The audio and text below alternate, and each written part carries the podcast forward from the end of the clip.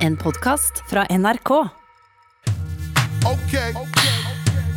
Yeah. Yeah. Are we about to get it just a little hot and sweaty in this motherfucker? Baby, Ladies, let's go. Soldiers, let's go. Let me talk to y'all and just, you know, give you a little situation. Listen, listen. You see this shit get hot every time I come through when I Det var definitivt ikke det Magnus Takvam. Dette var et av 2000-tallets kanskje mest suksessrike band. eh, Pussycat Dolls.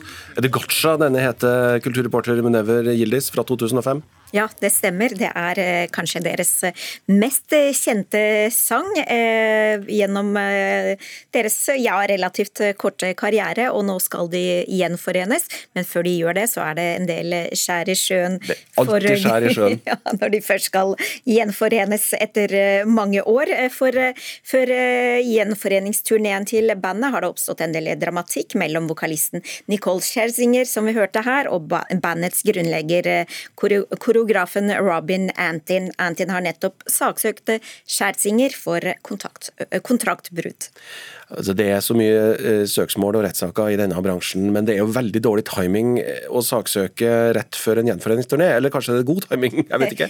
Vel, det avhenger litt eh, hvordan man ser det. Men det kan du si. Ifølge Antin, som grunnla gruppa for 18 år siden, er det Scherzinger som er eh, problemet. Hun krever nemlig 75% av det de tjener på denne gjenforeningsturneen, og full kreativ kontroll, og vil ta de endelige beslutningene når det gjelder eh, prosjektet. Og nå truer hun med å trekke seg hvis ikke hun får det som hun vil. Det er det jo ikke alle de andre medlemmene i gruppa som vil gå med på, og det er jo heller ikke sånn at alle er med når det gjenforenes heller. Nei, det er det absolutt ikke, for eh, gruppas karriere har vært eh, dominert av en del eh, dramatikk blant medlemmene. Mye skyldes at Nicole Scherzinger hun ble fremhevet som en forsanger og frontkvinne for bandet, og det var jo ikke alle så veldig fornøyde med, og et, en etter en så trakk, trakk gruppemedlemmene seg og ville, være, ville gå, satse på en solokarriere. Og en som ikke er med på denne gjenforeningen, det er Melody eh, Thornton, som eh, har vært misfornøyd med at Kjersinger har eh, fått veldig mye oppmerksomhet. Fansen, da, de som elsker og elsket Pussycat Dolls, hva har dette å si for dem? da? De har jo gleda seg til gjenforening, går jeg ut ifra. Ja, Det er litt dårlig nytt for, eh, for fansen. For eh, gruppens turnédatoer i Storbritannia og Irland er fortsatt ikke bekreftet, og det betyr at eh, den store gjenforeningen kan ha blitt satt på vent enn så lenge. Og Scherzinger sjøl, som blir framstilt som eh, heksa i eventyret, hva, hva, hva tenker hun? Hva sier hun? Hun er foreløpig taus. Hun har ikke kommentert eh, noe på Robin Antins anklager eller søksmålet. En føljetong som fortsetter altså i god popmusikkstil. Hun har eh, knapt bikka 30, men irske Sally Rooney er et av de store navnene på den internasjonale litteraturscenen akkurat nå. Debuterte med romanen 'Samtale med venner' i 2017. Året etter kom 'Normal People', som jo også gjorde stor suksess som eh, TV-serie, vist eh, her på NRK. Hennes tredje bok 'Skjønne verden, hvor er du?' kommer i dag i flere land, og litteraturanmelder Knut Hoem, du har lest den allerede. Eh, aller først, hvordan forklarer du at Sally Rooney har fått et så stort internasjonalt gjennomslag? Nei, altså I krisetider så må vi jo igjen og igjen finne ut hvem vi elsker, eh, heter det hos den amerikanske poeten eh, Frank eh, O'Hara. Og Det er sitatet på den første boken hennes, 'Samtale med venner'. Eh, Og det er kanskje litt sånn da at vi er flua på veggen eh, sammen hos, på fester hos unge mennesker som hele tiden forsøker å finne ut eh, hvem de elsker. Dette å beskrive situasjoner der folk er samlet, og der det oppstår spenninger mellom de som er til stede, det er Sally Rooney helt utrolig god på. Og det er ofte også en slags klasseproblematikk eh, i bånn her. Eh, Sally Rooney beskriver et Irland med veldig store klasseforskjeller, ulikhet. Og i den eh, andre romanen hennes, eh, 'Alle andre', 'Normal People', så er det jo nettopp et forhold mellom en overklassejente, introvert sådan, som forelsker seg i en veldig tiltrekkende arbeiderklasseungdom, som mammaene hans kommer og vasker hos foreldrene hennes. Sånn begynner den eh, historien.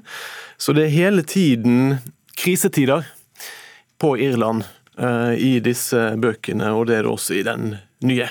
Ja, Men hvordan skiller den eh, nye seg fra de forrige, da? Nå er det akkurat som om alle er blitt ti år eldre, har bikket 30, som forfatteren sjøl. Eh, og det er kommet inn et sånn metafiksjonelt eh, nivå. Eh, den ene hovedpersonen er blitt forfatter og blitt en berømt sådan, og tjener 200 000 euro i året, mens venninnen jobber som sånn redaksjonsassistent på et litterært tidsskrift og tjener 20 000 i året. Så nok en gang så handler det veldig mye om, om penger. Noe annet som er nytt her, er formen.